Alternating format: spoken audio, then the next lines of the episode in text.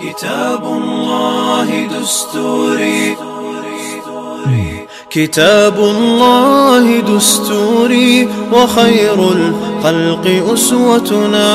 بسنته جلا نوري لهدي الحق أرشدنا. كتاب الله دستوري وخير الخلق أسوتنا. بسنته جلا نوري Alhamdulillah Rabbil Alamin, wassalatu wassalamu ala Rasulina. Braću moja draga, mi nastavljamo da se družimo sa knjigom Šija Safeta, svojstva poslanikog namaza, od abdesta do zikra. Prošli put smo se zaustavili na jednom interesantnom pitanju, znači govorili smo nekim hronološkim redom sve do tog momenta da čovjek izgovori početni tekbir, kako će ga izgovoriti, kako će podići ruke, da li će svizati ruke ili ne. Pa smo kazali da nema sumnje nikakve, da je od sunneta da čovjek klanja svezani ruku na način da će staviti desnu ruku po lijevu. To je ono što smo mi prošli put obradili. Sada nam dolazi dva veoma, veoma bitna pitanja, to je gdje svezati ruke i kako ih svezati.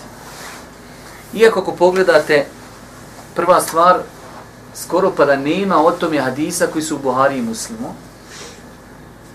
S druge strane, to je maksimum što je kazano u namazu sunnet.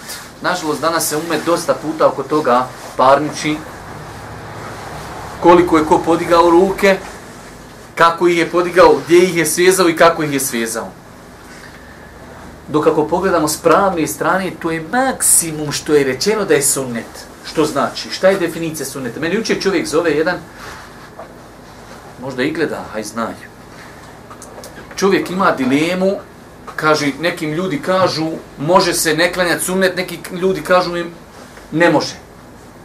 Rekao, dragi moj brate, Allah ti dao svako dobro podni namaz se može klanjati 10 rekiata, 4 rekiata sunnita, pa 4 farza, pa 2 sun sunnita ili 2 sunneta. Ali ako znaš ti šta je definicija sunneta, šta je definicija farza? Imate ljudi kod nas, zna, ovo je sunnet, ovo je farz, ali samo drugo ime, ovo je muj, ovo je hasa, ali su oni dvojica muslimani. Što nije tačno. Definicija sunneta je dijelo koje ako radim imam seva. Ako ga izostavim neću biti kažnjen. Što znači, kad čovjek nikad u životu ne bi klanju prije podne sunnete, Allah ga na sudnjem danu neće pitati robe što nisi klanju. Ali ako klanjaš, imaš sevap i ako ti bude falilo farza, upotpunit će se sunnetima. Pa je zato dobro klanjati sunnete. Ali definicija sunneta u ovom smislu riječi sunneta jeste dijelo koje ako uradim imam sevap, a ako ga ne uradim neću biti kažnjen. Definicija farza Ako ga uradim, imat ću sevap. Ako ga ne uradim, bit ću kažnjen. Pa je razlika između sunneta i farza.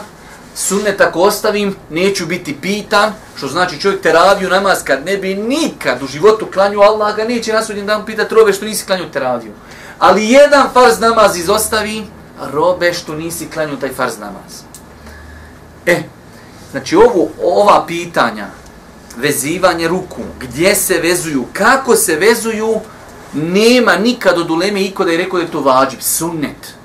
Što znači ne smije nikako da bude predmet razilaženja među muslimanima da neko nekog ocenjuje po tome. I zato ja kad sam nekad davno počeo citirati fetve, tijeli su da me ispali na Mars, od šeha bin Baza, šeha bin Baza živi u Saudijskoj Arabiji. I kod njih tamo dizanje ruku u namazu je više nego poznato. Znači svi dižu ruke u namazu. Ali njemu opet kažu šeha, kodimo neke džamije gdje ljudi ne znaju za to, ljudi ne dižu ruke, hoćemo li dizati ili nećemo? Kaže, nemojte dizati. Preće je da ostavite taj sunnet zbog zbližavanja, kaže, vaših srca. Pa znači, braću moja draga, ovo nikako ne treba da bude razlogom ne daj Bože svađe, netrepeljivosti, isključivosti i tako dalje. Hajde sam dok nam ovi momci uđu, pa da nastavimo. Malo samo požurite, čekamo sad, svi čekamo na vas.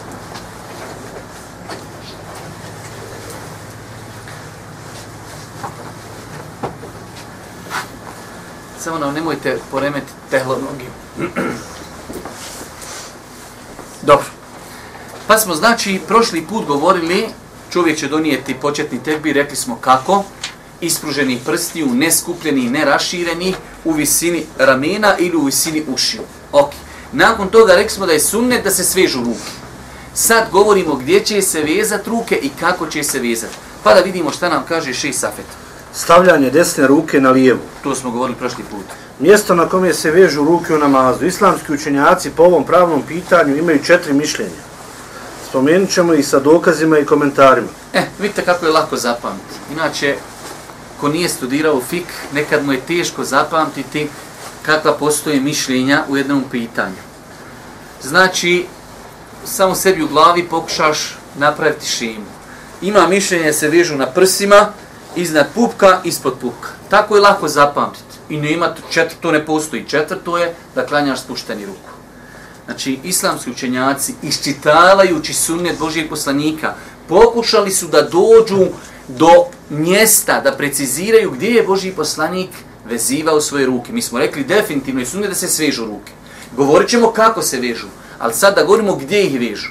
Pa smo govorili, napravili smo jedan veći uvod, da mjesto vezivanja ruku je sunnet što znači ne smije nikako da bude razlogom podijeli. Ona ispustio ruke, on je bolji, on je moj brat, on je na mom mezhebu. Ovaj podigao malo ruke, to je vehabija i tako nešto slično.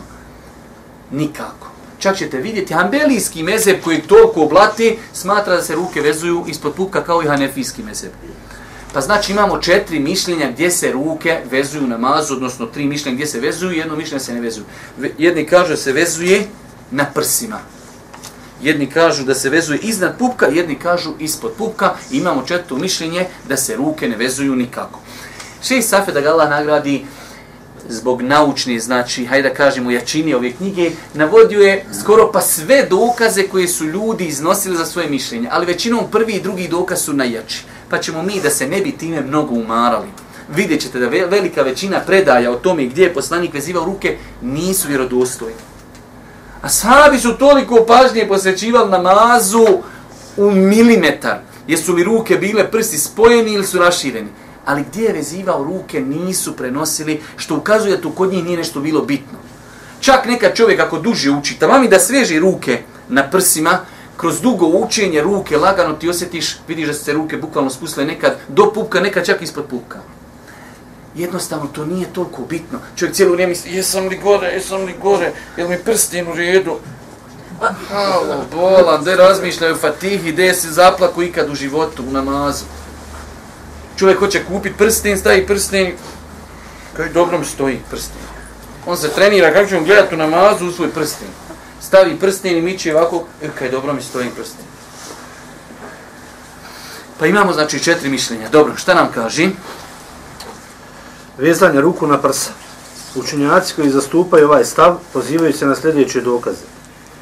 Odvajala ibn Huđra se prenosi da je rekao, klanjao sam sa poslanikom sallallahu alaihi ve sellem, pa je stavio svoju desnu ruku preko lijeve na prsa. Eh, ovo je jedna od najjačih predaja koji i njoj ima neko ko je prigovorio od Vajla ibn Huđra, da je Boži poslanik stavio desnu po lijevoj na prsa. I vidimo dole u fusnoti eh, stoji da je ova predaja zabilježena kod imama Ibn Huzemi. Znači nije ni u Buhari, nije u Muslimu. Pa ima učenjaka koji su prigovorili njenoj vjerodostojnosti. Šta kaže? Imam nevevi. Pazite, imam nevevi, on je šafijskog meseba. On je šafijskog meseba, ali kad je imam nevevi, ima svoju jednu knjigu u fiku, ima i više, El Međmu, gdje je obrađivao i hadise i fik. Pa imam nevevi mu hadis, da vidimo šta on kaže za ovu predaju. Šta kaže imam nevevi? Imam Nevovi kaže, hadis Vajla ibn Huđra je dokaz da se ruke vežu iznad pupka. Dosta, ništa, tu nam je sad za sad e, dole od Hulta Etajja. Od Hulba Etajja se prenosi da je rekao, vidio sam poslanika, sallallahu alihi veselem, da je stavio desnu ruku po lijevoj na prsa. Ovo je znači druga predaja koju zabilježio imam Ahmed, znači opet imamo učenjaka koji su ovu predaju smatrali dobrom u mene ova stranca ne postoji, tako da ćemo mi prijeći ovdje. Dakle, dakle, što se u jeziku smatra prsima, dozvoljeno je vezanje ruku na tom mjestu. Međutim, nije ispravno pretjerivati i stavljati ruke iznad prsa, neposredno ispod vrata, jer je oprično poslanikovom sallallahu alejhi ve sellem sunnetu. Znači imate ljudi, ja sam to gledao i vi, ako pogotovo odete u Meku i Medinu, pa ćete vidjeti da neki ljudi želići da oponašaju Božeg poslanika, dijelimično počnu i pretjeravati, pa ovako stave ruke. Ja sam gledao kako ljudi ovako klanjaju. Da, to je već, braćo, mada opterećenje. Čovjek treba da Allahu ekber stavi ruke, znači da ovo namaz nije ciljan pokretima. Inna salate tenhanil fahša, doista namaz odvraća od, od loših dijela. To je cilj namaza, da te odgoji, da plačiš, da spoznaš gospodara, a to sad da se čovjek napriježe, da čovjek, znači čovjek sveže ruke normalno, da, da tome ne predaje toliko pažnji. Pa znači Allah najbolji zna, gledano s aspekta hadijskog, jer nemamo u Kur'anu dokaze gdje se ruke vezuju u namazu, jedno od najjačih mišljenja jeste da se ruke vezuju na prsima, ima hadis u Buhari koji će nam poslije doći kad šeheh Safet bude govorio o načinu vezivanja ruku, da je Boži poslanik stavljao svoju ruku na podlakticu. Stavljanje ruke na podlakticu, taj hadis je u Buhari.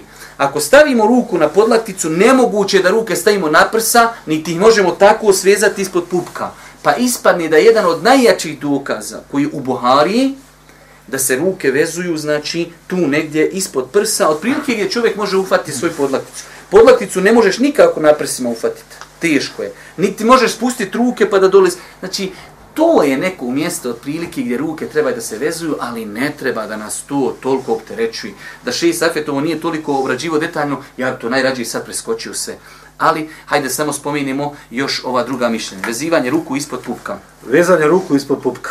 Mišljenje o vezanju ruku ispod pupka zastupaju učenjaci Hanefijske i podobranije mišljenju učenjaci Hanbelijske pravne škole. Ovi pravnici koriste sljedeće dokaze. Od Vajla ibn Huđra se prenosi da je vidio poslanika sallallahu alaihi ve sellem kako je u namazu stavio svoju desnu ruku po lijevoj ispod pupka. Jeste vidjeli? Isti ashab predaja ista. Stavio je Boži poslanik lijevu po desnu i tam kaže iznad prsa, a dole kaže ispod pupka. Može se desiti da je Boži poslanik radio dva različita načina ili se može desiti da jedna predaja nije vjerodostojna, druga je vjerodostojna. Onu malo prije smo rekli da velik određen broj učenjaka smatra vjerodostojnom, dok ova predaja, sad ćemo pročitati, imate učenjaka koji jasno kažu ovaj dodatak. Boži poslanik je stavio ruku, znači lijevu po desnoj, da, odnosno desnu po lijevoj. Ali ispod pupka ovaj dodatak, imate u hadisma nekad dodatak, taj dodatak nije prihvatljiv. Pa nam čitaj šta kaže. U ovom hadisu je spomenut dodatak ispod pupka, a u osnovi nije dio hadisa. Dopisao ga je neko od prepisivača ovog djela, Dokaz tome je to je što u ranijim primjercima Musannefa ibn Ebi Šejbe, u kojem se nalazi ovaj hadis, nije bilo do, tog dodatka, već je hadis glasio. Vidio sam poslanika kako je stavio svoju desnu ruku po lijevoj namazu.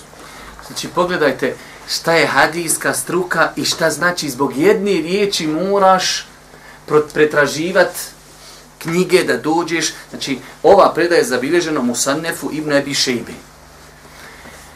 Pa je došlo vremenom kad su ljudi prepisivali taj hadis da su dodali ovu riječ nenamjerno. Jednostavno čovjek kad prepisuje, sjedi, hajde da kajemo, pet godina prepisuje knjige. Mora nekad nešto preskočiti, nešto izgubiti, nešto dodati od sebe.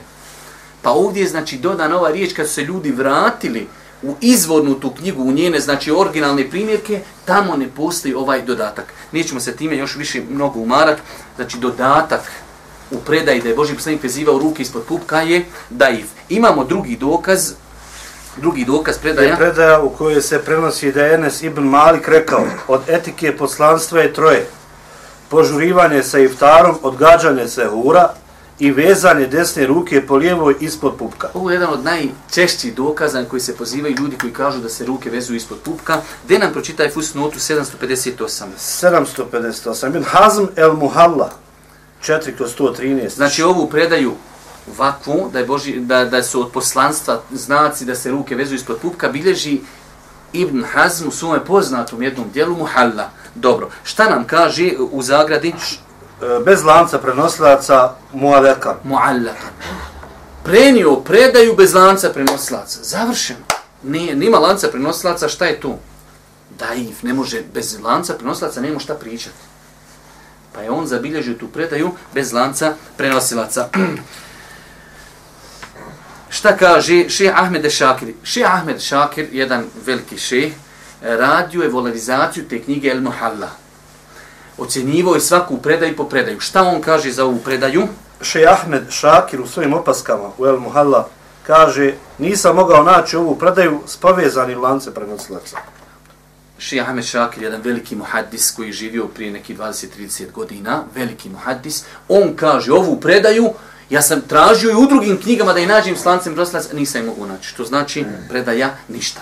Dobro, prelazimo ovdje, Šija Safet navodio još neke dokaze, ali znači idemo, e, treći, spuštanje ruku niz tijelo.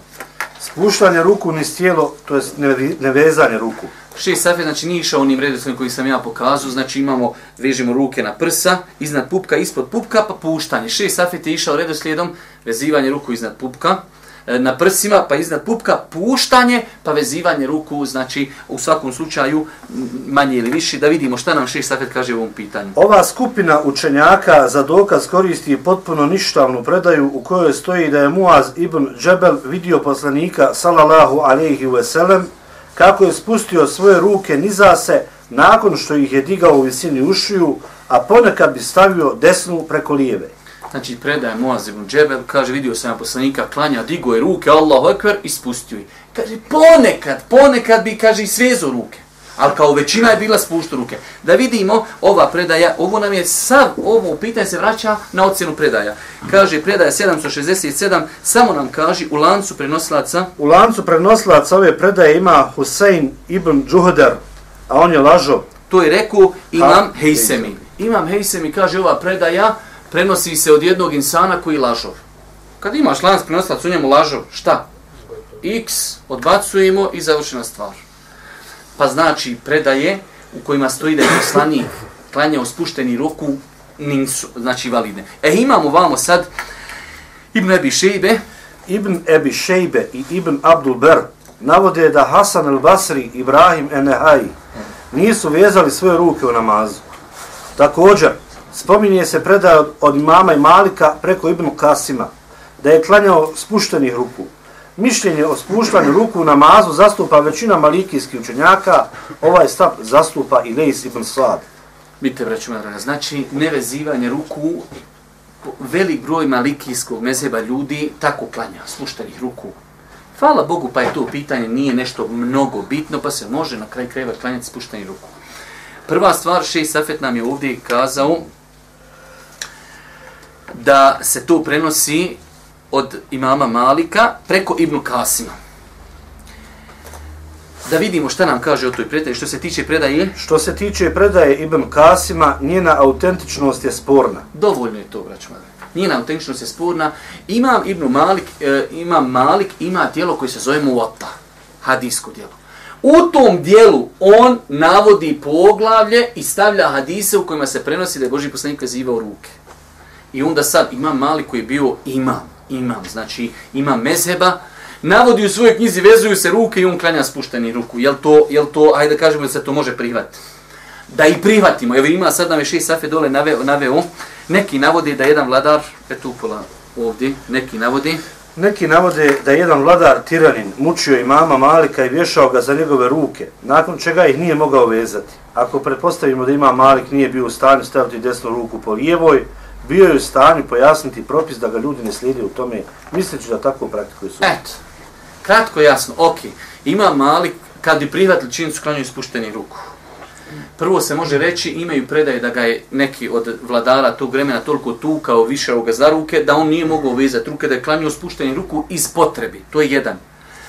Ali ljudi koji su ga gledali, on je njima pojasnio u svojoj knjizi ljudi ovo što ja radim, ja radim s nekom potrebom. A vi, ako hoćete da slijedite sunet Božijeg poslanika, jedno vam moja knjiga, u nju ćete naći kako ćete klanjati. I završena stvar, dilema. pogledaj kako je islam jednostavan. Završena stvar, iako je to sitnica u islamu gdje ćeš svizati ruke, ali znači i tu smo dilemu riješili. Dobro, vezivanje ruku iznad pupka, a ispod prsa. Znači ostalo nam je još to mjesto, govorili smo na prsima, ispod pupka, govorili smo spušteni i ostalo nam je iznad pupka. Dobro, šta kaže ših? Ovi učenjaci kao argument koriste predaju Đerira ibn Dabija, u kojoj kaže, vidio sam Aliju u namazu da preko zgloba drži lijevu ruku desnom iznad pupka. Dobro, to je to, znači ova predaja, u svakom slučaju vidjet ćemo da ima poslije predaja u, kod imama Buharije, ne znam zašto je šest safet ovdje nije spomenuo. Nama šta je bitno, braću moja draga, zapamtiti da vezivanje ruku je sporedna stvar u namazu. Nije cilja na šerijatom. Šerijat cilja da čovjek bude skrušen, da gleda preda se, da plaći, da ga namaz odgaja. Gdje će ruke svezati je manje bitno s aspekta hadijskog, znači Allah najbolji zna ruke, naj, najjače mišljenje da se vezuju negdje na prsima iznad pupka. Ali da čovjek klanja citav život ispod pupka da veze ruke, to je znači toliko nebitna, nebitna stvar ne utječe nikako na, na ispravnost namaza, niti, niti iz daljine da ukazuje na to. Nakon toga dolazimo do onog famoznog, eh, ajde da kažemo, pitanja kako sad ruke, ok, mi smo rekli Allahu ekber, pa smo se umetje se podijelili kako ćemo se vezati ruke.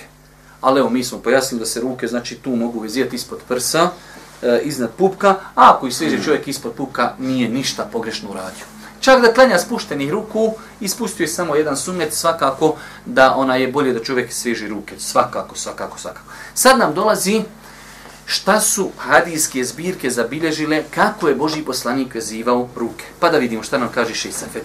Način vezanja ruku. Allahov vjerovjesnik sallallahu alaihi wa sallam običavao je vezati ruke na tri načina, spomenuto u narednim hadisima. Znači imamo tri načina kako se vezuju ruke. Pa da čujemo šta kaže. Od Vajla ibn Huđra se prenosi da je rekao, vidio sam poslanika sallallahu alaihi wa sallam dok je stajao u namazu da je prihvatio svoju ljevicu i stegnuo je desnicu. Jedan hadis, dobro. Drugi. U drugoj predaji od istoga sahaba stoji poslanik sallallahu alaihi wa sallam ustao je na namaz, donio tekbir i digao ruke u visini svojih ušiju. Potom je stavio desni dlan na vanjski dio dlana lijeve ruke, zgloba i jednog dijela podlaknice. To je drugi način, dobro. Sehl ibn Sad kaže, ljudima je naređivano da se u namazu desna ruka stavi na podladicu lijeve ruke.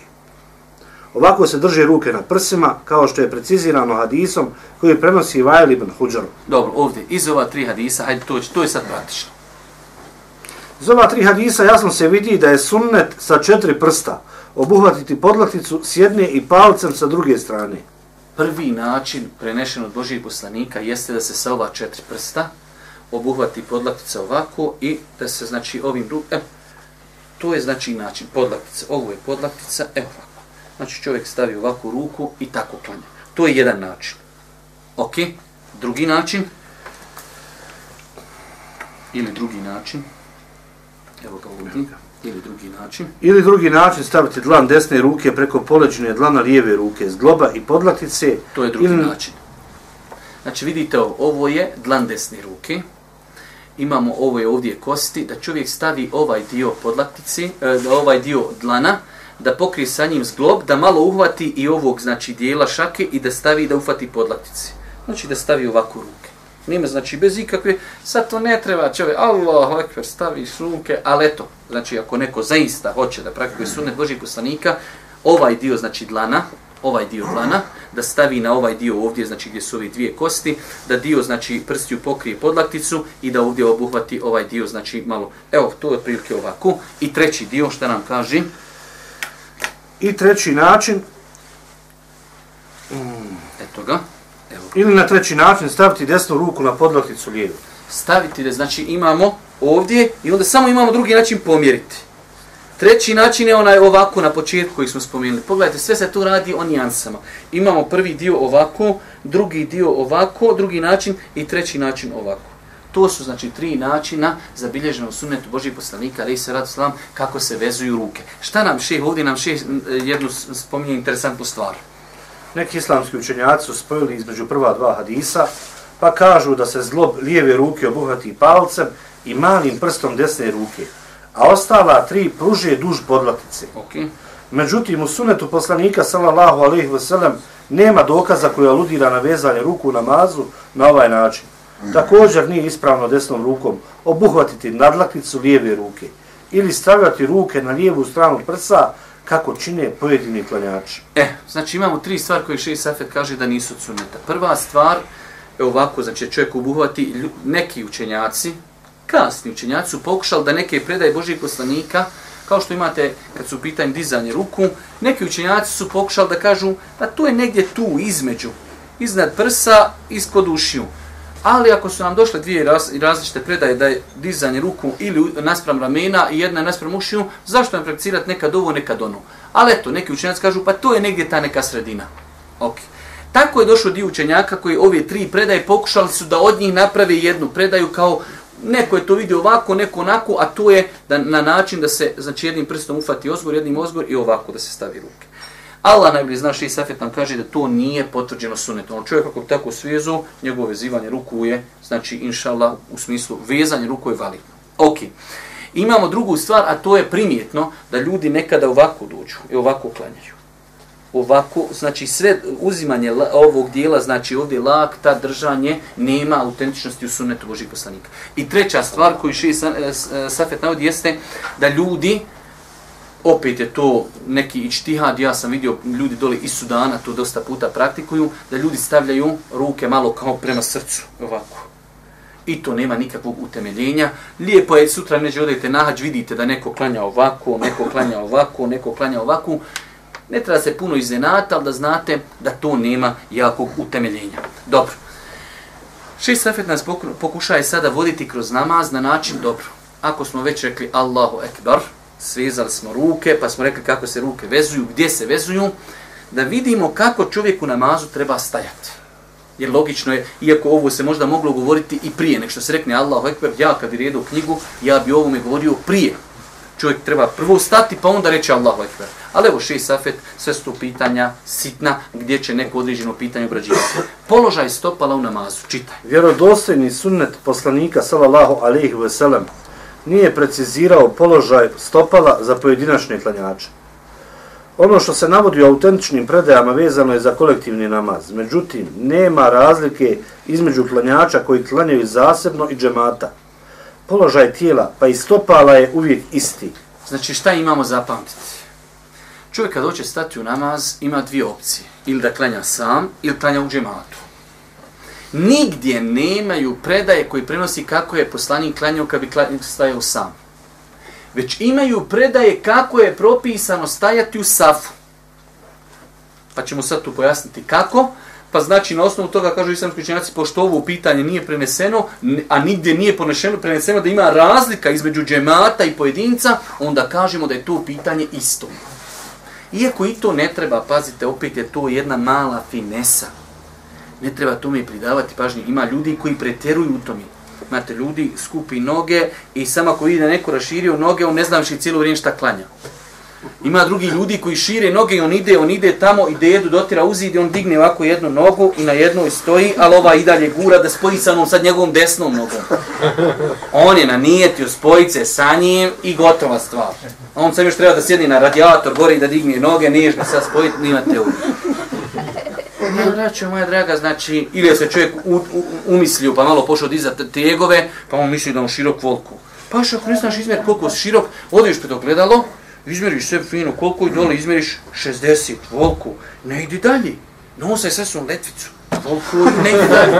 Ako ne znaš, zaista imaš ljudi, voliko stani, raširi se. Tačno to bi Arabi nije ga lijepo ni vidjet i uznemirava drugi ljude. Čak se saf od neka, nekad moraš ovako stojiš, znači ne mreš drugačije, on je tebe raširio noge, a gore se moraš spojiti sa njim. I ovako stojiš, klanjaš čoveč, ako ti je herava kičma, Allah, sve više, boli te kičma. Hođa sve preko kulhu, Allah, što uči, ti više ne znaš šta uči. Brate, staneš normalno i završena stvar. Pa znači, prvo to pitanje ne treba u njemu pretjerivati, pod jedan.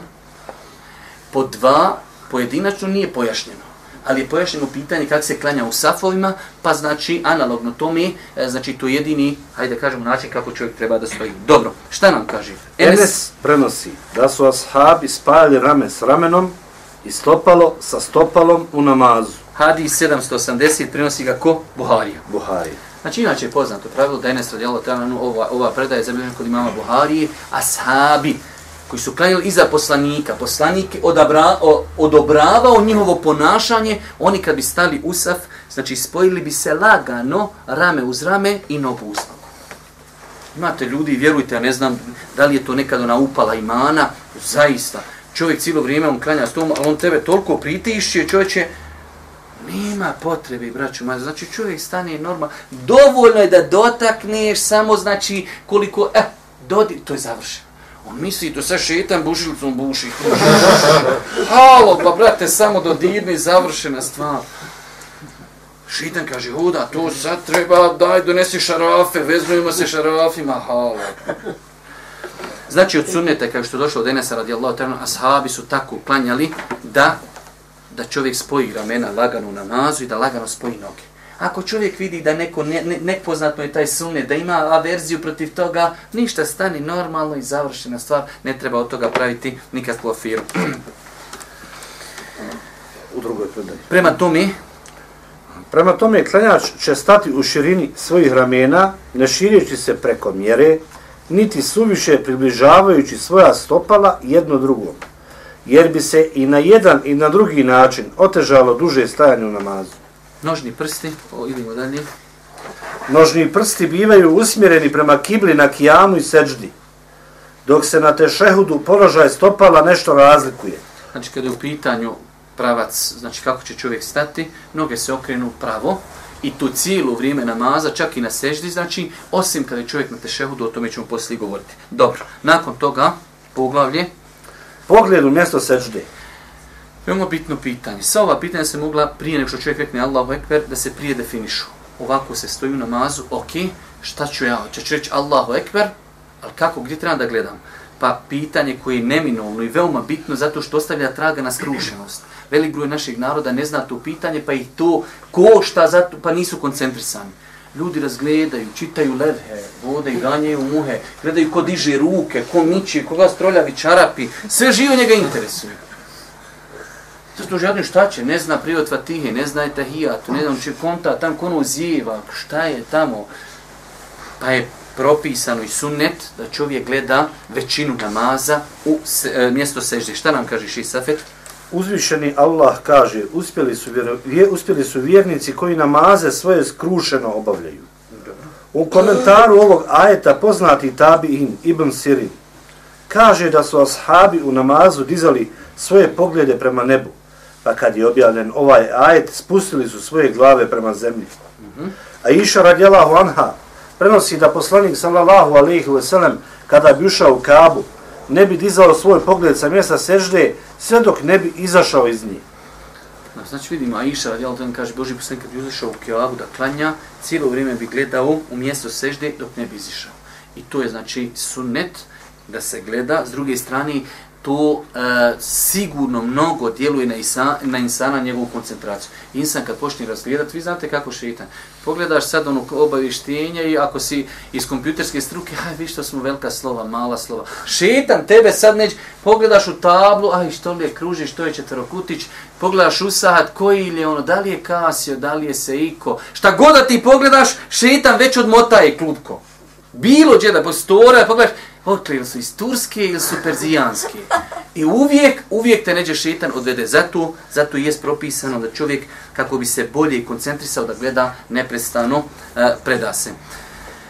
U vezi s ovim pitanjem, U vezi s ovim pitanjem često se navodi slaba predaja u kojoj stoji da je poslanik sallallahu alaihi ve sellem rekao dok si u namazu gledaj u mjesto seđde. vidite kako je, šta vam znači ilm, šta znači znanje. Ši Safet ovdje navodi da je sunac se gleda ispred. Pa logično bi bilo da iako daif je predaja, pa daj daif predaju, nek ona potvrdi naš stav. Ali še kaže, ne, ima predaja koja se mnogo puta citira, ali ta vjera, predaja nije vjerodostojna. Zašto? Zato što mu je cilj znanje. Dobro, šta kaže nakon toga? Dakle, Dakle, kad doklanjač stoji u namazu, njegov pogled će biti usmjeren ka mjestu seđde. Ovo mišljenje zastupaju učenjaci Hanefiske, Šafijske, Hanbelijske i neki učenjaci Malikijske pravne škole. napomena, ova napomena je bitna. Napomena, pojedini klanjači nisu smireni u namazu. Neki se okreću lijevo desno, što je velika greška i propust. A Iša radijalahu anha je pitala poslanika sallallahu alaihi wa sallam o okretanju glave u namazu, pa joj je odgovorio, to je krađa kojom šeitan potkrada namaz klanjača. Od Ebu Zerra se prenosi da je Allah poslanik sallallahu alaihi wa sallam rekao, Allah je naspram svoga roba sve dok, ne počne okreta, dok se ne počne okretati u namazu, pa kad okrene svoje lice, Allah se okrene od njega. Imam Ahmed kaže, lijepo je u namazu gledati u mjesto seđde, ne dizati pogled prema nebu i ne okretati se lijevo desno, Čuvajte se okretanja u namazu jer kažu da kvari namaz. Vidjeli ste u ovoj prvoj predaji stoji da je to potkradanje. I zaista čovjek koji ne gleda u mjesto sežde rekao se, znači šeta na taj način njemu, kao što je došlo opet s druge strane vjerodostojnog hadisma, čovjeku će biti od namaza upisano onoliko koliko je u namazu bio prisutan. Pa čovjek, znači, kad počne razgledati, na taj način mu šetan krade od namaza, odvodi ga mislima. Pa znači, e, kad je u pitanju zakretanje, samo razgledanje, to ne kvari namaz, ali svakako umanjuje nagradu. Nakon toga, znači mi smo, šta smo uradili? Donijeli smo početni tekbir, svezali smo ruke, e sad počinje namaz. Počinje namaz. Šta nam kaže šeji Safet prvo u namazu da se uči? Dove kojima je poslanik sallallahu alejhi ve sellem počinjao namaz.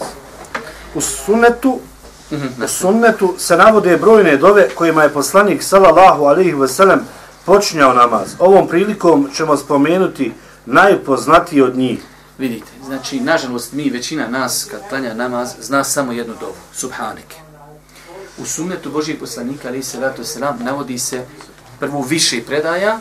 Ši Safet je ovdje spomenuo samo dvije ili tri. Ši Albani u jednoj od svojih knjiga, ovo svima ne ti bude škola. Kome god zazvoni telefon kad iziđe, nek opet pri, priča tiho ili nek ode tam do pekari, pa nek tamo galam. Znači, e, imamo nekoliko pitanja od sunneta Božijeg poslanika je preneseno da je više različitih dova učio na početku. Znači, samo što kaže Allahu ekber, sezao si ruke, prije euzije, prije bismile, prije fatihe, uči se takozvana početna dova. Dobro je znati više početnih dova, zašto? Iz razloga što to povećava koncentraciju. Čovjek, evo sad, ja vas upitam, da li si ikad razmišljao o subhaneke, o dovi u namazu? Nisi nikad, koji ja. Zašto? Zato što učiš autorski. Sad kad mene neko rekao da pred kamerom je proučio, ja i ne bi znao proučiti. A u namazu znam, zato što ide automatski. Pa je dobro da čovjek nauči dvije ili tri dove, pa danas jednu, sutra drugu i na taj način onda razmišlja o toj dovi. Pa je dobro, znači imate dužih dova, imate kraćih dova, znači e, mislim da je preneseno oko desetak različitih dova Božih poslanika, ali se sam e, u početku namaza, pa je lijepo da čovjek nauči dvije ili tri dove i znači s vremena na vrijeme, danas uči subhaneke, sutra uči ovu i tako dalje. U svakom slučaju, e, ova jedna poznata, znači Ši Safet je sa njom počeo zato što je, e, kada je s aspekta hadijskog prenešena je kod Buhari i muslima, da je Boži poslanik učio ovu sljedeću dovu, ti nam je, e, odnosno ja ću da ne bi bilo onaj poteškoći u izgovoru, Allahume ba'id bejni u bejne wal magrib. Allahume neqini min hatajaje kema yunqa thawb al abyad min ad-danas Allahumma ighsilni min khataaya bil ma'i wa thalji wal barad jedna dova koju Allah poslanik alejhi salatu ve selam traži od svog gospodara kaže udalji mene i moje grijehe kao što se udalju istok od zapada. Gospodaru moj očisti me od mojih grijeha kao što se čisti bijela odjeća od nečistoće. I gospodaru očisti me od grijeha vodom i snijegom i tako dalje. Znači, to je jedna dova Božih poslanika, ali se letu selam. Imamo drugu dovu koja je kratka, lahka za naučit i lijepo je da čovjek nekad i nju uči. E, e ajde, ja ću onda ove dove sve, hajde izvini. Allahu ekber kabira, walhamdulillahi kathira, wa subhanallahi bukraten wa asila. Kratka dova od Božih poslanika, ali se letu selam. Allahu ekber kabira, walhamdulillahi kathira, wa subhanallahi bukraten wa asila. Imamo treću dovu, uh, ova dova uh, koju smo sad citirali, koliko se sjećam da je kod imama muslima.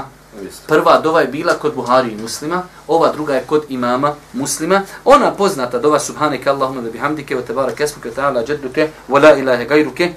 Nju je zabilježio imam Nesaija. Iako znači gledamo s aspekta hadijskog, nije na nivou ovih dova prethodni, ali jednostavno Allah Đelšanu je dao beričet u toj dovi da velik broj ummeta danas uči samo tu dovu.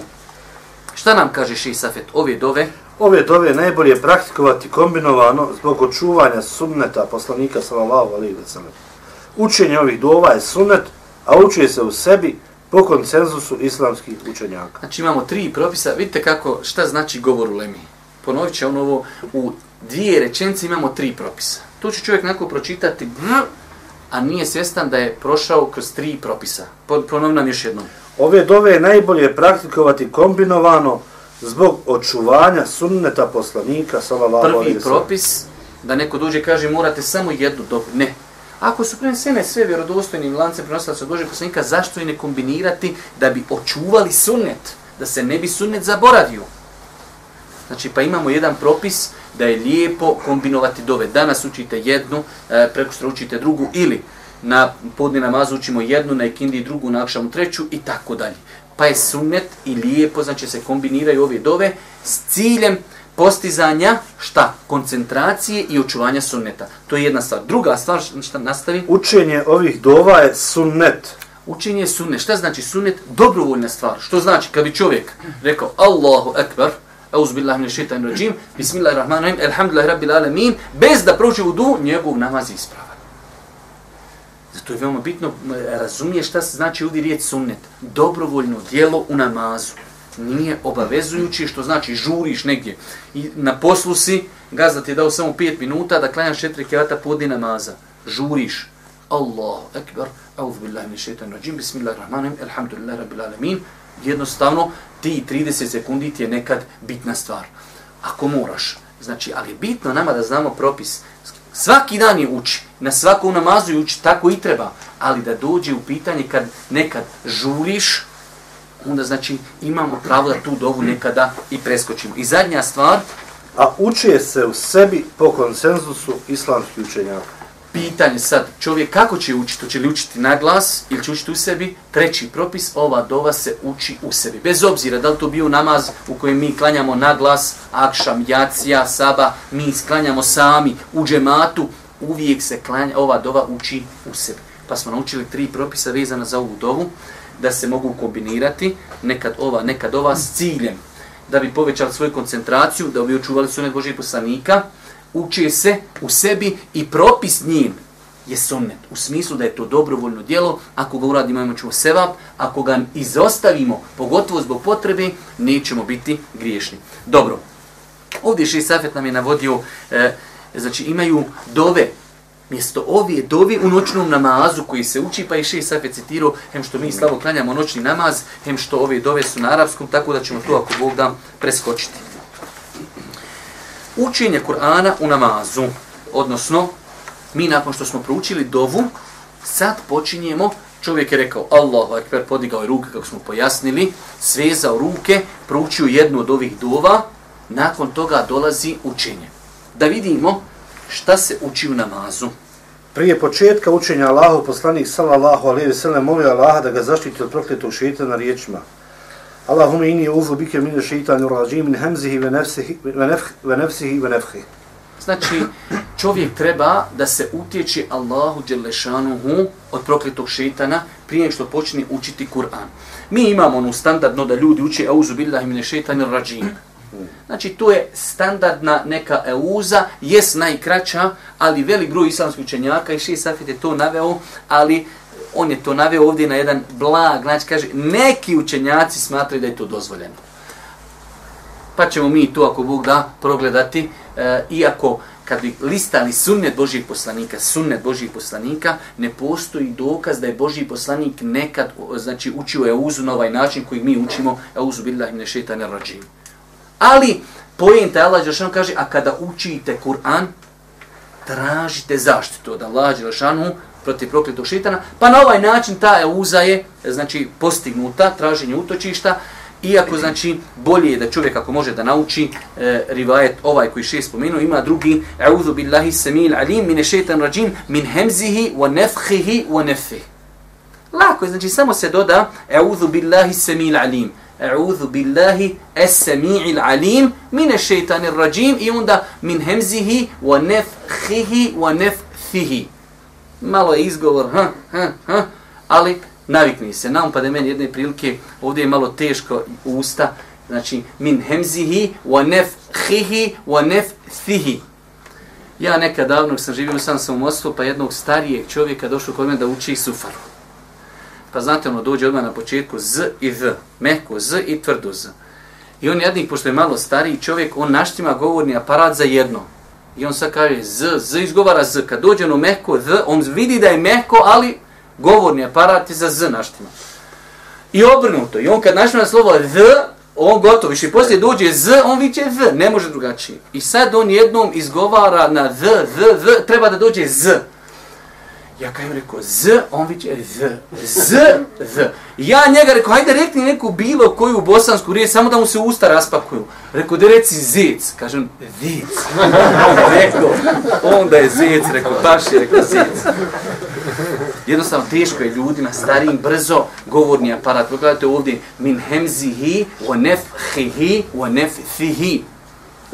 Mlađoj raj je to lako, ali starijem čovjeku, tu, za njega je to teško govorno i teško to postići.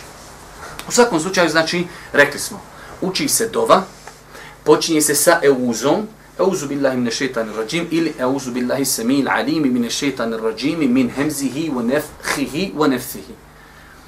To su rivajeti od Božih poslanika, ali salatu wasalam. Rekli smo za ovaj treći rivajet, iako ga velik, velik broj učenjaka dozvoljava, ne postoji da je ga Boži poslanik tako prakticirao.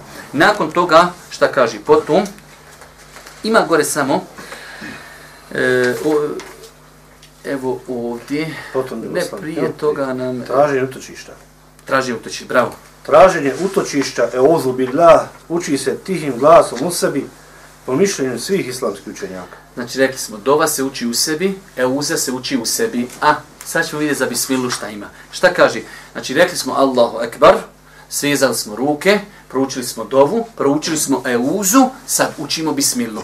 Pa, kaže, nakon toga se uči bismillah, nama je interesantno ovo. Prenosi se da je Enes... Prenosi se da je Enes ibn Malik rekao, klanjao sam za poslanikom, sallallahu alaihi ve sellem, Ebu Bekrom, Omerom i Osmanom. I nisam ni jednog od njih čuo da je učio bismilu na glas. U drugoj predaji stoji, učili su bismillah u sebi tihim glasom.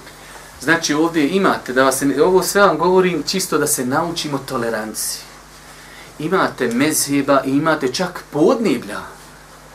Podneblja. Sad da odete možda dole negdje u Maroko ili da odete u Tunis ili Alžir, dođete u neke džami gdje ljudi svaki put bismil uči na glas. Svaki put. Allahu ekber, malo šuti, prouči subhaneke, prouči uzu i Bismillahirrahmanirrahim, alhamdulillahi rabbil alamin. I tako svaki dan uči. Pa čovjek kad odi negdje, bitno mu je da zna. Ovaj hadis bilježi Buharija i muslim od Enesa. Enes, vi znate da Enes deset godina služio Božije poslanika. Kaže, nisam čuo poslanika, pa sam kranju za Ebu Bekrom, pa za Omerom, pa za Osmanom. I nikad, nikog od njih nisam čuo da je Bismilu učio na glas. Jel se može onda desiti da je Boži poslanik učio Bismilu, a da Enes to nije čuo?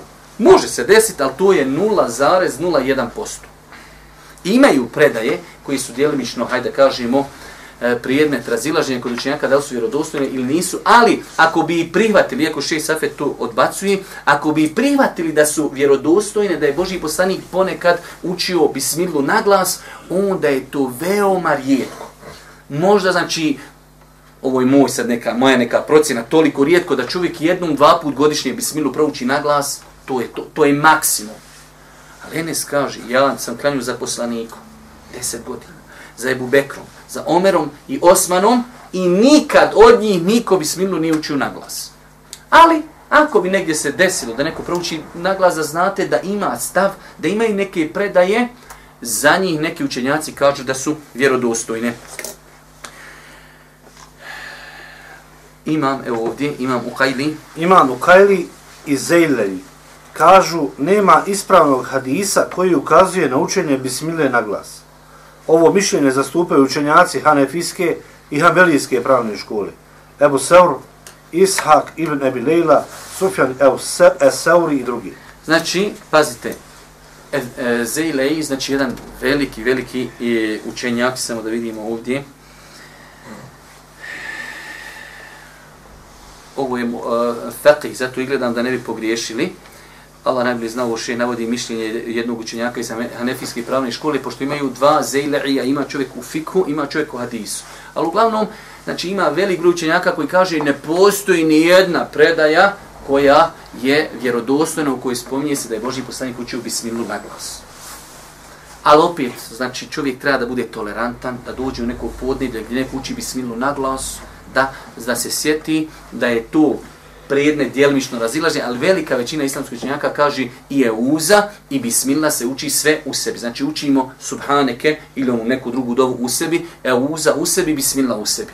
I onda počinje kirajet. Dobro. Šta nam kaže šeht Safet, jedan od sunneta učenja? Učenja, učenje Kur'ana ajet po ajet. Uh -huh. Ummu Seleme radijalahu anha pitana je o poslanikovom sallallahu alaihi ve sellem učenju namazu, pa je odgovorila, učio je ajet po ajet. Ništa više, to nam je dovoljno, da bi sad došlo jedno teško pitanje. Či od sunneta, braću moja draga, da čovjek ne sve, vezuje ajet za ajet. Od sunneta. Ako bi neko nekad žurio pa kaže Alhamdulillahi rabbil alamin ar-rahmanir rahim maliki dini iyyaka na'budu wa iyyaka nasta'in ihdina siratal mustaqim vezuje ajet za ajet, nije on pogriješio. Ali sunnet Božijeg poslanika je stati na kraju svakog ajeta. Alhamdulillahi rabbil alamin. Ar-rahmanir rahim. Maliki yawmiddin. Amma yatasaalun. Anin naba'il azim. Alladhi hum fihi mukhtalifun. I tako. Znači svaki ajet da se čovjek tu zaus, to je sunnet. Čovjek ako to prakticirao sa nijetom sunneta, bit će ako Bog da nagrađen. Ali opet kažemo da čovjek nekad žuri na poslu je, nema mnogo vremena da spoji ajet zajedno, ako zna kako se ajeti spajaju, uz Allahu pomoć nije napravio nikakav pre, propust, ali znači promašio je jedan sunnet. Nakon toga, braću moja draga, dolazimo do jednog, koliko imamo vremena još, do, do imamo još, ali koliko? 22. Dobro, a jeste primili tamo ište u tefsijama? Uh -huh. E, to je to. Koliko već do sada treba predavanje? Uh, 51 minuta. Ovi zadnje klupe nemaju se pravo javljati. Ok. Ovo, s ovim ćemo inšalaj završiti predavanje. Učenje Fatihe. Došli smo do učenja Fatihe. Rekli smo, učimo, e, učimo dovu, učimo auzu, učimo bismilu. Učimo Fatihu. Čovjek može biti u nekoliko situacija kada je u pitanju Fatiha. Prva stvar može biti da klanja sam, kod kući mora Fatihu učiti na svakom rekiatu. Allah poslanik kaže u hadisu Buhari i muslima La salate li men lem yakra bi fatihatil kitab Nema namaza onome ko nije proučio Fatihu. Svaki rekiat moraš Fatihu proučiti. Ok. Imaš verziju da klanjaš u džematu. Znači prva verzija je si sam kod kući. Uvijek Fatiha na svakom rekiatu. Podni četiri rekiata na svakom rekiatu Fatiha. Na prva dva dodaš još i suru, na druga dva ne treba. I tako dalje riješili smo kad smo sami. Idemo u džemat. U džematu čovjek može biti u nekoj, nekoliko varijanti. Prva stvar može biti u varijanti da klanja u namazima koji se uči u sebi. Podne i kindija. Tada je obaveza i imamu, a i čovjeku koji za njega da uči fatihu. Na svakom rekiatu. I imamu i čovjeku koji klanja iza njega na podne i na ikindiji imamo, ostaje nam sabah, akšam i jacija, to su oni takozvani namazi u kojima se uči na glas. Imamu je obaveza svakako, ostaje klanjaš takozvani muktedija. Kako to izgleda? Čovjek je došao u namaz, klanja se jacija u džematu. Rekli smo, ako klanja kod kuće sam na svakom rekiatu mora proći fatihu i sodno znači koji je rekiati suru. Nije obaveza u džematu, ako je došao u džemat i podne i kindiju klanja, mora na svakom rekiatu učiti fatihu. Ako imam prije njega ode, ovo, ovo je pitanje, velik broj braća ne zna, čovjek dođe do iake nav, do iake nesta'in, kaže, hođe Allahu ekber, šta ću? Allahu ekber. Boži poslanik kaže, fa iza raka ferka'u, kad on ode na ruku za njim, ti tada slijediš imama, dokle si stigo, stigo si. Osim da ostane, ti si došao, gajril magdubi alehim i on kaže, lupam Allahu ekber. Gajril magdubi alihim vole dalin amin, da čovjek završi ako mu ostuje jedan ajet. Ali ti kažeš, alhamdulillahi rabbil alamin, ar-rahman, ar-rahim, on kaže Allahu ekber. Idi me kaj za da završi. Dok ti zače završiš, a ti tako zače brzo završaš, jer ti već pokazao kako ti to zače završaš, jer ti sam dva ajeta poručio, on se vrati sa rukuje, ti onda zoveš posle ili safeta, šta ću? Ja učio Fatihu, ovaj ošu i vratio se, ošu na seždu, ja i dalje još u Fatihi paša, nemoj se umarat, hođa rekao Allahu Ekber, Allahu Ekber. Tamam, rekao ti Alhamdulillah Rabbil Alamin, Allahu Ekber, Allahu Ekber. Boži poslanik kaže, idha kebara fe kebiru. Kad on rekne Allahu Ekber, vi za njima. On ode na, na ruku, vi za njima. On se vrati, vi se za njima. On na seždu, vi za njim. I to je najbliža stvar, sunja. ja sam nedavno pisao o tom i članak, možda ste neki i čitali, imaju četiri verzije. Čovjek može slijediti mama, može ići prije njega što je haram, može kasniti, može sa njim zajedno raditi. Jedina ispravna sunnet je da ide za njim odmah. bez da ga pretiči, bez da sa njim zajedno radi, bez da kasni. On kaže Allahu Ekber, ti za njim Allahu Ekber. Ok. Dolazimo na jaciju namaz. Prvi rekat odma u iskušenju smo. Allahu Ekber, hođa prouči fatihu i sad ima tri sekunde, šuti i počne učiti Kur'an. Šta ćemo mi? Mi smo rekli na ikindi, na podne učimo fatihu. Ali podne, uh, akšam, jacija i saba, on uči fatihu, nakon toga odmah dolazi učenje suri. Allah Jošanu Kur'anu kaže, a kada se uči Kur'an, vi slušajte. A imamo hadis, onaj u Buhari i Muslimu, nema namaza onome ko nije proučio fatihu. Pa je ovo jedno od, kad bi se ono moglo reći, najžešćih pitanja u islamskom pravu, fiku gdje se ulema žestoko razišla. U smislu žestoko imate dosta puta, vidjeli ste da smo mi dosta puta govorili, uzmite ovo mišljenje, kad po njemu radite, svi će vam reći da ste ok. E ovdje ne može. Ovdje moraš biti ili ovo ili ovo. Jer, ako učiš, ovi što kažu da ne treba ući, kažu, Allah je kaže, kad se uči Kur'an, slušajte, nisi slušao, Boga mi, pogriješio si. Ovi drugi, ako nisi proučio, kažu, Allahu poslanik je rekao, ko ne prouči namaz, ne veljamo, namaz mu je neispravan. Ko ne prouči fatihu, jest. Više sam pošao, kako nosam polce po cijeli dan, više sam pošao lupati, znaš šta priča. Pa znači, ovdje ne možemo reći, ako uradiš ovo, po svima si dobro. Ne može. Moraš jedno odabrat. I moraš biti spreman da će ti jedni vikat, ne veljaš.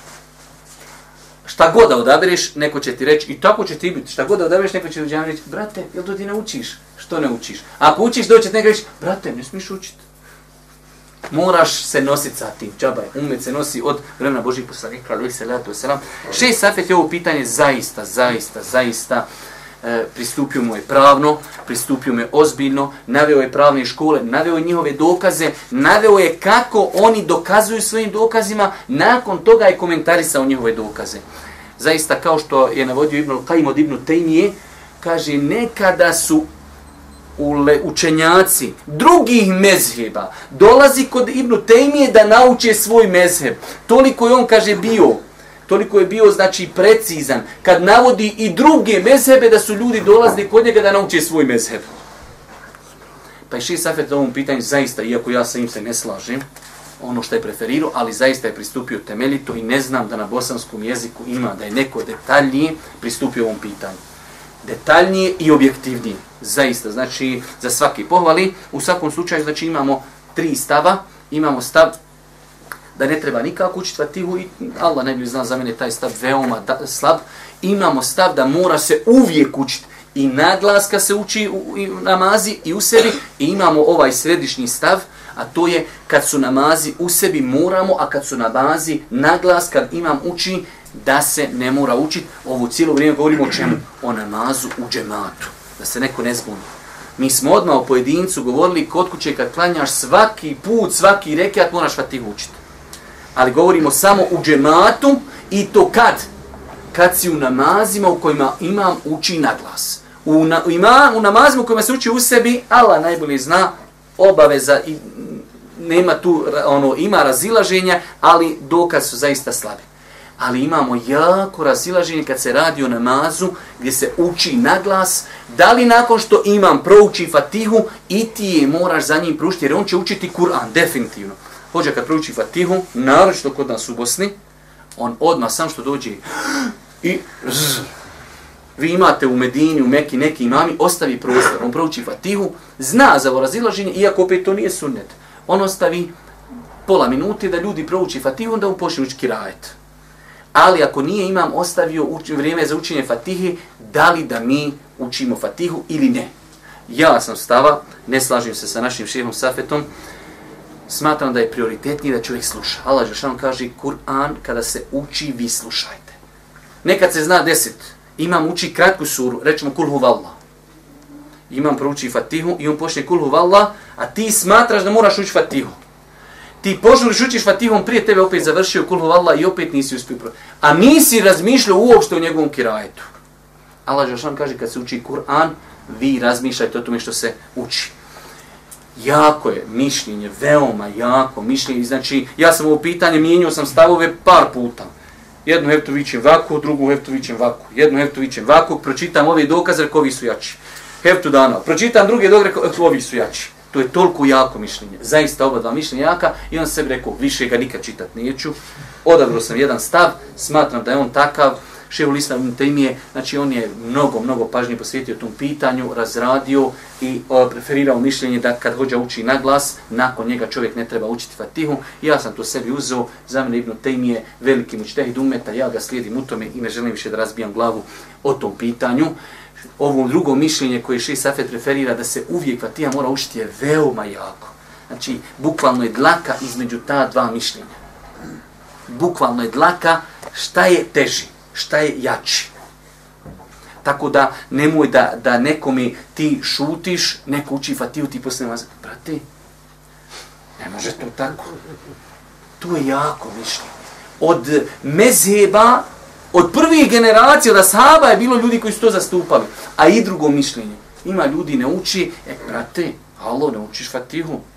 Ne, ne, to je pitanje, znači čovjek je saslušao da li nekog daju, da li čitao neku knjigu, Osim da s čovjekom lijepo razgovaraš, vidim, brate, da ne učiš, gdje si ti to pitanje stvari uči, kaj ne znam, ja nakon ne učim, a ne, imaš dokaze, ovo mišljenje jači, to je druga stvar. Ali ako vidiš da je neko čitao to mišljenje i, i pridržaje se tog mišljenja, ne treba, to je zaista jedno teško, teško pitanje. Evo mi ćemo samo za, za kraj. Znači, šest Safet je e, spomenuo da imaju tri stava, pa kaže dokaz učenjaka koji smatraju da se, da se općenito uči e, za imamom. Uvijek. Znači šta kaže hadis, poznati hadis, u Badi ibn Samit? Nema namaza onaj ko ne prouči el Fatihu u namazu. To je taj poznati hadis u Buhari muslimu da Boži poslanik Ali Samska nema namaza onaj ko nije proučio Fatihu u namazu. To je hadis kod imama Buhari i muslima debu od Ubadi ibn Samita poznati hadis. E, imamo broj tri ovdje čak ovaj hadis je dijelimično jasan odgovor na ono što nama treba. Dobro? Da li neko uči, u, u Vadibnu Samit prenosi da je poslanik sallallahu alaihi ve sellem nakon što je klanjao jedan od namaza u kome je učio naglas upitao da li neko uči nešto iz Kur'ana dok ja učim naglas. Rekli su da, o Allahu poslaniče. Poslanik sallallahu alaihi ve sellem tada reče pomisli ko se to natječe sa mnom u učenju Kur'ana ne učite dok ja učim na glas, osim El Fatihe. Evo vidite ovdje, znači Boži poslanik jedne prilike kaže Mali unazio na Koran, šta je to? Ja čujem, ja učim, neko iza mene uči. Kaže, učitelj, kaže, učimo. Kaže, Boži, nemojte učiti ništa osim Fatihe. Pa je ovaj hadis djelimično odgovor na ovo pitanje. Dolo, prelazimo, prelazimo na e, dokaz učenjaka koji smatraju da se ne uči za imamom. Imamo mišljenje da za čovjek znači nikako ne uči za imamom koji Imam... pomeni, pomeni to mišljenje generalno gledajući je slabo. Da čovjek samo u namazu stojiš, imam učiti, znači i, i u namazima, znači e, naglas i u sebi da uvijek šutiš, pomeni je to djelmično mišljenje slabo. Dobro, šta je dokaz ti? Prenosi se da je poslanik sallallahu alejhi ve sellem rekao: "Imam se treba slijediti kada učini tekbir, učinite i vi, a kada bude učio, vi šutite." Vidite, opet dolazimo ovaj hadis u Buhari i Muslimu sa početkom kada imam donese tekbir i vi ga doneste, kada ode na ruku i vi, kada uči vi šutite. Samo ovaj dodatak je sporan. Samo ovaj dodatak je sporan i Allah Đelšanu najbolje zna da, onaj, kak se zove, nije vjerodostojan ovaj dodatak. Nakon toga, prenosi se da je poslanik sallallahu alejhi ve sellem rekao ko bude klanjao za imamom imamovo učenje je ujedno i njegovo učenje. Ovo je najpoznati hadis na koji se pozivaju učenjaci i narod koji ne uči ništa za imamom, ovu, koji ima imama i klanja za njim, imamovo učenje je i njegovo učenje. E, samo prvu rečenicu, Hafiz ibn Hajar. Hafiz ibn Hajar tvrdi, ovaj hadis je došao sa više puteva i svi su slabi. Znači, pazite, Hafiz ibn Hajar, to je možda u historiji ummeta i neponovljiv insan. Njegov, znači, e, njegova spoznaja hadijske znanosti, Allah najbolje zna da li se nakon njega rodio neko poput njega. On kaže za ovaj hadis, on je došao sa više različitih pre, puteva, takozvani znači prenosilaca, ali kaže svi su slabi. Kad jedan toliki veliki učenjak smije tu da kaže, onda znači veoma je teško, veoma je teško da taj hadis može biti vjerodostojan. Nakon toga prelazimo dokazi učenjaka koji smatraju da se uči za imamom samo na dnevnim namazima. Znači to je ono mišljenje za koje sam ja, ja kazao da ga ja lično preferiram, da čovjek znači ako je u namazu uči imam u sebi, mi učimo svakako. Ako imam uči na glas, tada je njegov kirajet, nama kirajet, mi slušamo njegovu fatihu, nakon toga slušamo njegov e, kirajet, drugi sura, koncentrišemo se, osim ako ostavi vrijeme. A nije od sunneta ostaviti vrijeme. Boži poslanik znači tada nije šutio. Imaju dva momenta kada je Boži poslanik u namazu šutio, ali to nije jedan od njih. Tako da i oni učenjaci koji ostavi tu period za šutnje, postupili su suprotno sunnetu Božijeg poslanika, ali se ratu selam. Dobro, šta kaže, šta je glavni dokaz? Uzvišeni Allah je rekao, a kada se uči Kur'an, vi ga slušajte i šutite da biste bili pomenovani. Znači, ovo je jedan od najjačih dokaza e, onih učenjaka koji smatraju da kad imam uči na glas, ne treba učiti fatihu na glas, e, ne treba učiti fatihu zato što imam je proučio i on odmah nakon toga počne učiti Kur'an. Allah Žešan kaže, a kada se Kur'an uči, vi šutite ostemi, wa ansitu, pažljivo slušajte. Nemoguće je da čovjek uči fatihu i u to vrijeme sluša imama. Iako sam vam rekao, e, znači da imamo uh, i broj 2 Ebu Hurere. Ebu Hurere prenosi da je poslanik sallallahu alaihi wa sallam nakon što je završio sa jednim od namaza u kome je učio na glas, upitao da li je neko učio istovremeno sa mnom. Jedan od ashaba je rekao da ja, Allaho poslaniće, poslanik sallallahu alaihi wa sallam, rekao je, pomisli ko to želi da se natječe sa mnom uči. Ibn Šihab Zuhri kaže, kada su to čuli, prestali su učiti zajedno za poslanikom, salallahu alaihi sallam, kada bi učio na glas. Hm, sad ova predaje, Boži poslanik pitao, je neko učio? Kažu oni, jesmo, učili smo. Kaže, pa su oni nakon toga prestali. Pa ova predaja se može smatrati djelomično pojašnjenje za onu tamo predaju gdje kaže pa su ostale još fatiha. U ovoj predaji stoji pa su prestali.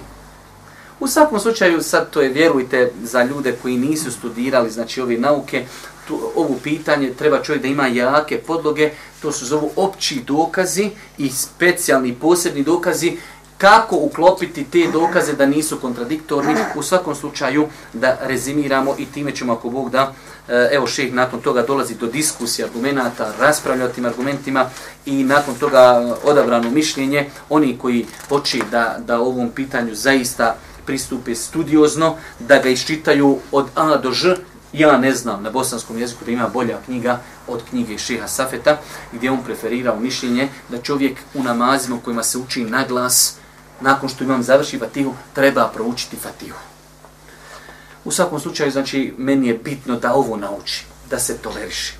Čovjek ako odabere jedno mišljenje, ne, ne smije isključivati drugo mišljenje i ovo je jedno od rijetkih situacija u, gdje čovjek ne može raditi po svim mišljenjima. Primjera radi, ja sam to vam navodio, navodio primjer radi, nošenja nikaba, primjera. Ima tuleme koja kaže vađb, ima tuleme koja kaže sunnet. Žena koja nosi nikab, ona je po svima okej. Okay. Jer ovi koji kažu sunnet, to ok, sunnet treba i sunnet preko. To ovi koji kažu vađb, oni kažu ova žena nosi tamo ispunila je. Ali žena koja ne nosi dio u lemenjoj kaže, Boga mi si griješna što ga ne nosiš. U tom slučaju, znači kad radiš po jednom mišljenju, možeš objediniti dva mišljenja. U učenju fatihe ne možeš moraš odabrati jedno mišljenje i moraš biti spreman da te drugi kritikuju. U svakom slučaju, ovo je jedno fiksko pitanje, za njega se ne vezuje akida, za njega se ne vezuje menheđ, za njega se ne vezuje ništa u smislu, ako vidiš neko da radi suprotno, da si ti bolji ili on bolji. Čovjek znači je odabrao jedno od dva mišljenja, imate načine kako odabrati. Oni ljudi koji su kompetentni mogu da čitaju i da odaberu. Imate ljudi koji kaže ja to ne mogu, ja to ne znam, ja jednostavno čitam odgovor ovi, odgovor oni, sad mi se zapetlja to be Arabi sve, za mene šest safet najučeniji ubose, šta on kaže, treba učiti, ja učim i završim na stvari. I to je jedan od načina odabiranja mišljenja, da čovjek sluša nekoga koga smatra da je najučeniji na tom podneblju. To je moj šest safet, to je najučeniji, šta on rekao, tu, završena stvar, ja to ništa ne kontam i to je to. Ali, znači, čovjek ne treba da zato vezuje neko je bolji od nekog, i tako dalje. Allah vam dao svako dobro, mi ćemo se ovdje zaustaviti. Ja sam imao mislio, sad ću mi malo brži, ali ako Bog da, onaj, obradili smo danas korisni stvari. E, molim Allah Đašan da nas poduči korisnom znanju. Subhanak Allahumma bihamdike, šedan an la ilaha illa anta astaghfiruke wa atubu ilaik.